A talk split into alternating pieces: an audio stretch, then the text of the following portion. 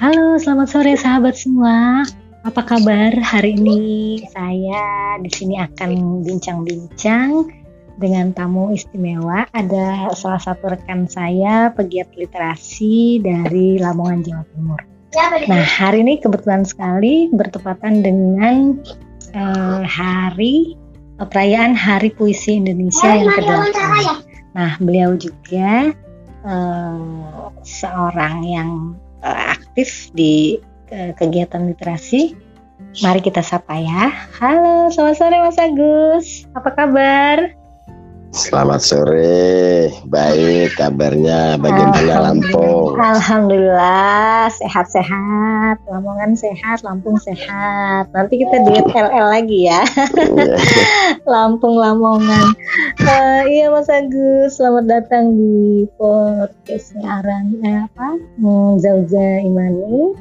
Uh, kita ngobrol-ngobrol ringan aja ya, seputaran literasi lah gitu Uh, kebetulan kan hari ini uh, perayaan Hari Puisi yang ke-8.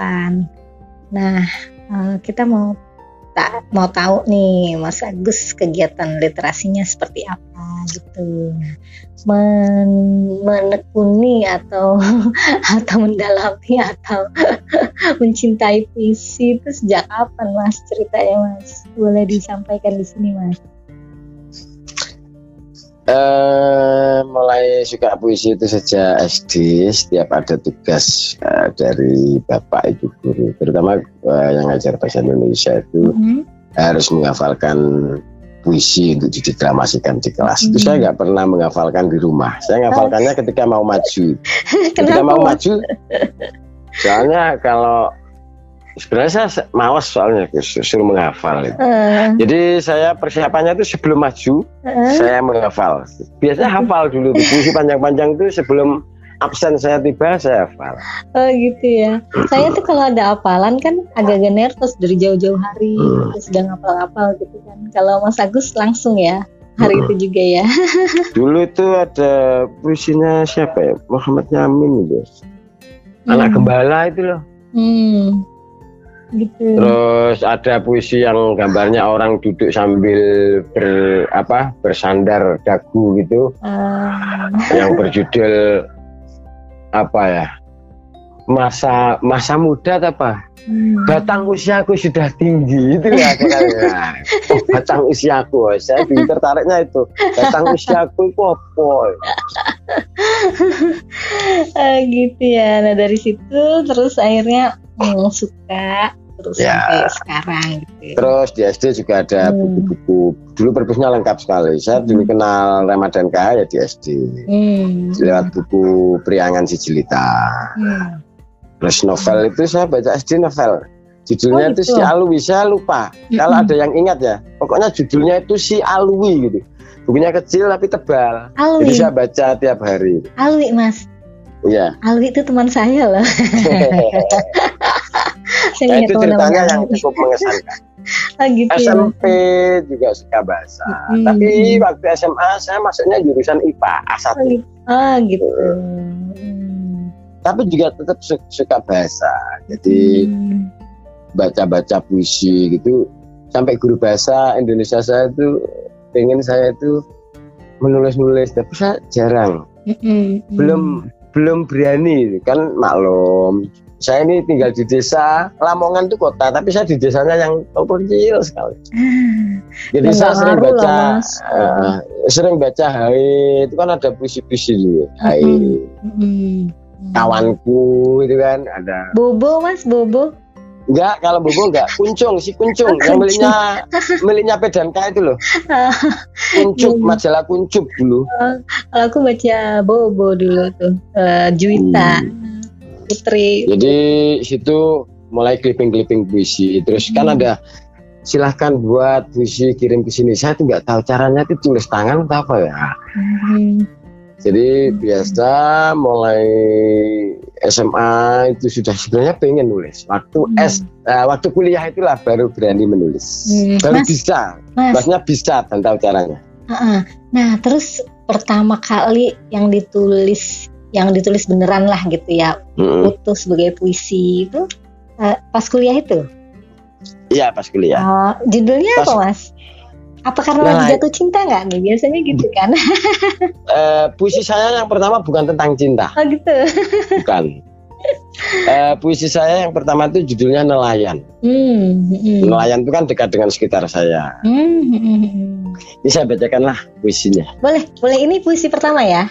Iya, puisi okay. pertama saya yang dimuat di media, Wih. yang dimuat di media. Wih. Tapi puisi ini saya tulis sudah sejak saya kuliah pertama. Iya. Tapi mm-hmm. saya kirimkan ketika saya mau lulus. Oh gitu. Uh, Jadi puisi pertama yang ditulis dan pertama juga yang dikirimkan ke media, uh, lalu dimuat, tapi pengirimannya jauh setelah uh, penulisan ya, beberapa ya. tahun setelahnya ya. Oke okay, mas, coba bacain mas, kita mau dengar. Ya, ya. Puisinya judulnya Nelayan. Nelayan. Kapal sudah datang, harapan sudah ditambatkan, tangan sudah dihamparkan. Nelayan turun bersama senyum, jala-jala tersampir di pundak, dan ikan bergelantungan di satu tangan. Seharian berjipaku dengan gelombang, kini pulang membawa ikan. Kadang banyak, kadang jarang. Namun hidup harus diteruskan. Itulah uh, tiga bait puisi. Tepuk tangan dulu dong, prok prok prok prok prok. itu puisi yang saya tulis pertama hmm. dan dimuat di media pertama hmm. dan tahu nggak ketika saya tunjukkan ke orang-orang sekitar, terutama ke ibu saya. Uh. Ini loh tulisan saya. Dia karena ibu saya itu bukan orang yang dekat dengan literasi, dia hanya uh. ngomong gini. Terus buat apa seperti itu itu tulisan uh. itu? Mas Coba Agus. kalau kalau saya nggak semangat sendiri pasti sudah mutu. Iya, ngambek ya gitu. Mas, berarti uh, karena kecintaan ya nggak pedulilah tanggapan orang-orang yang hmm. memang di luar literasi yang penting kan memang kita terus terus berkarya hmm. sampai akhirnya sekarang pun tugasnya masih berhubungan dengan dunia literasi ya mas Ya, ya dulu saya di saya kan arsip jurusan hmm. kuliah saya itu kearsipan. Hmm. Saya ini arsiparis jadi dekat dengan arsiparis. Nah kebetulan dinasnya dulu campur sama perpustakaan. Hmm, hmm. Jadi tiap hari saya dekat buku baca-baca terus. Terus di perpustakaan dulu ada proyek perpus seru. Nah hmm. di situ saya mulai mengumpulkan teman-teman penulis dari Lamongan hmm. bareng teman saya di perpustakaan itu untuk berkumpul, hmm. menerbitkan buku. Hmm. Nah Berarti uh, sudah ada buku dong ya yang dihasilkan.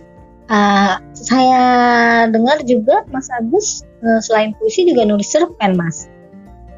Ya, cerpen Betul. ada. Cerpen hmm. biasanya saya kirim ke media online hmm. uh, di Bali yang miliknya Pak Ide Karaka Kusuma itu hmm. sama di Kureta kalau di Kureta itu eh, karena pasti asal ceritanya itu enak dibaca hmm. dibuat kan saya nggak mengejar cerita-cerita yang wow wah hmm. itu enggak karena dalam menulis saya tidak pernah bertujuan supaya tulisan saya itu wow atau apa itu enggak hmm. saya itu hanya ingin mengisahkan sesuatu yang nggak pernah dilihat orang atau sesuatu yang nggak pernah didengar orang eh satu aku ingat aku pernah baca cerpennya Mas Agus bacain yang apa tuh seperti eh seperti di di atas apa seperti Juliet seperti Juliet di atas balkon. Uh. Nah nanti nah, di lain kesempatan aku akan sampaikan juga akan putar di podcast ini supaya teman-teman juga bisa dengar. Nah itu uh, di salah satu buku ya mas ya itu yang kalau nggak salah. Ya. Kalau buku cerpen udah ada berapa mas? Cerpen dulu dulu pertama kali menerbitkan tuh buku kumpulan puisi dan cerpen. Hmm, gabung. Terus ak akhirnya saya pisah, saya tambahi. Hmm. Cerpennya saya tambahi, puisinya saya tambah. Saya akhirnya jadi dua buku, yang satunya Muson, kumpulan cerpen. Hmm. Yang kedua Muasal puisi, yang oh. salah satu puisinya tadi saya baca. Iya, iya. Nah, Mas. buku yang perdana itu hmm. judulnya cukup norak buku kopi dan kamu aku hah aku aduh Mas Agus uh, aku juga pernah bacain uh, buku eh bacain puisinya Mas Agus yang tentang nelayan juga deh kayaknya ya tentang laut-laut gitu ya. Oh kalau itu apa belum itu? saya bukukan. Oh gitu itu belum. puisi puisi tentang apa nelayan juga kalau nggak salah ya. Nelayan apa iya, sih judulnya tentang kehidupan seorang aku lah. Samudra, anak samudra. Oh iya anak samudra benar. Anak samudra. Hmm. Ya, Karena kenapa juga. Mas kok uh, apa ada beberapa tema tentang laut, nelayan gitu. Emang daerahnya yeah. dekat laut ya, Mas? Ya, pantai juga mungkin kayak Lampung gitu, dekat hmm, laut. Cuman hmm. kalau Lampung kan enak lihat ke laut tuh ah, ada gunung Krakatau ya. Hmm. Kalau saya lihat ke laut itu hanya ada hanya horizon, ada aku. Hanya ada horizon di utara gitu. Jadi menebas batas kata Sapardi. Iya. Menebas jarak. Mas melihat laut hanya ada aku. Oh. sayang terlalu jauh Aduh, Lampung. terlalu jauh ya. Hmm. Aduh. Selat Sunda sih yang ter yang terdekat aku kalau itu nyebrang kalau Lamongan kejauhan nih Mas ya. ya hmm. karena saya nggak bisa menulis saja itu hmm. membayangkan sesuatu yang imaji hmm. apa hmm. hanya karena imajinasi gitu nggak bisa. Saya hmm. harus kontekstual. Misalnya kalau saya menulis tentang laut biasanya saya sebelumnya ke laut dulu. Hmm. Terus di laut itu ada apa? Hmm kan nanti saya kaitkan istilah sastranya saya nggak ngerti ya itu. Hmm. Soalnya saya bukan jurusan sastra sih. Jadi kalau ada pengalaman alam itu hubungannya dengan pengalaman di dalam jiwa saya itu apa itu nanti hmm, dipadukan. Istilahnya apa itu saya nggak ngerti di istilah. Hmm, jadi jadi memang proses kreatifnya uh, seperti itu ya lebih banyak hmm. pada hal yang memang uh, ya, makanya kalau membuat puisi cinta saya harus berusaha mencintai seseorang dulu baru bikin puisi cinta nggak bisa menghayal-hayal Waduh, jadi gitu ya bisa ngarang iya. ya ketawa. Makanya berarti ketawa jadi, banget loh Mas Agus. Banyak korbannya soalnya korban pura-pura supaya bisa merasakan cinta. Pura-pura jatuh cinta dulu mas. Uh, iya. gitu mas, saya ajarin loh. Biar bisa nulis puisi cinta. Jadi uh, harus jatuh cinta dulu ya nanti aku cirenin kalau Mas Agus nulis tapi kat, kalau menulis puisi cinta itu uh-huh. kata siapa Hasan Asbahani itu kan uh-huh. yang ngutip dari Rilke itu lah uh-huh. nyair Rilke itu uh-huh. kalau menulis puisi cinta itu jangan sedang jatuh cinta. Oh gitu ya? Iya, yang baik itu seperti itu. Jadi sebenarnya puisi kata-kata cinta saya itu nggak ada hubungannya ketika saya sedang jatuh cinta. Sebenarnya. saya sudah nggak cinta lagi atau mungkin saya malah benci ketika membuat kata rayuan. Gitu ya? Mungkin perasaan saya sedang sakit hati atau apa? Gitu. Iya mas. Terus uh, kayaknya Mas Agus ini senang nyanyi juga deh ya hobi aku itu. pernah dengar ya, aku pernah dengar Mas Agus nyanyi. Dan hobi kita pernah duet nanti kita duet lagi ya Mas ya. Udah lama nggak duet nih. Sekarang sudah kehabisan lagu saya. Gaya bener. Tuh lagunya udah di udah dilalap semua ya udah dinyanyiin semua ya. Sampai kehabisan gitu. Oke deh Mas Agus. Terima kasih banget ini sudah menyempatkan waktu untuk ngobrol uh, bareng Jauza Imani uh, di episode Cerita Za yang hari ini bertepatan dengan Hari Puisi. Mas, harapannya apa Mas sebagai kalimat penutup nih untuk uh, puisi Indonesia ke depan lah? Ya, uh, harapannya untuk para penyair hmm atau calon penyair. Yes. Uh, tapi saya lebih suka penulis saja nyebutnya seperti yeah, orang barat nyebutnya writer gitu aja kan. Uh, ya untuk semua penulis baik itu penulis esai, uh, uh, terpen atau penulis karya ilmiah atau puisi. Ya, ya menulislah dengan tulus, hmm. jangan berharap sesuatu terhadap tulisan itu, tapi berharaplah bahwa tulisan itu bermanfaat. Hmm.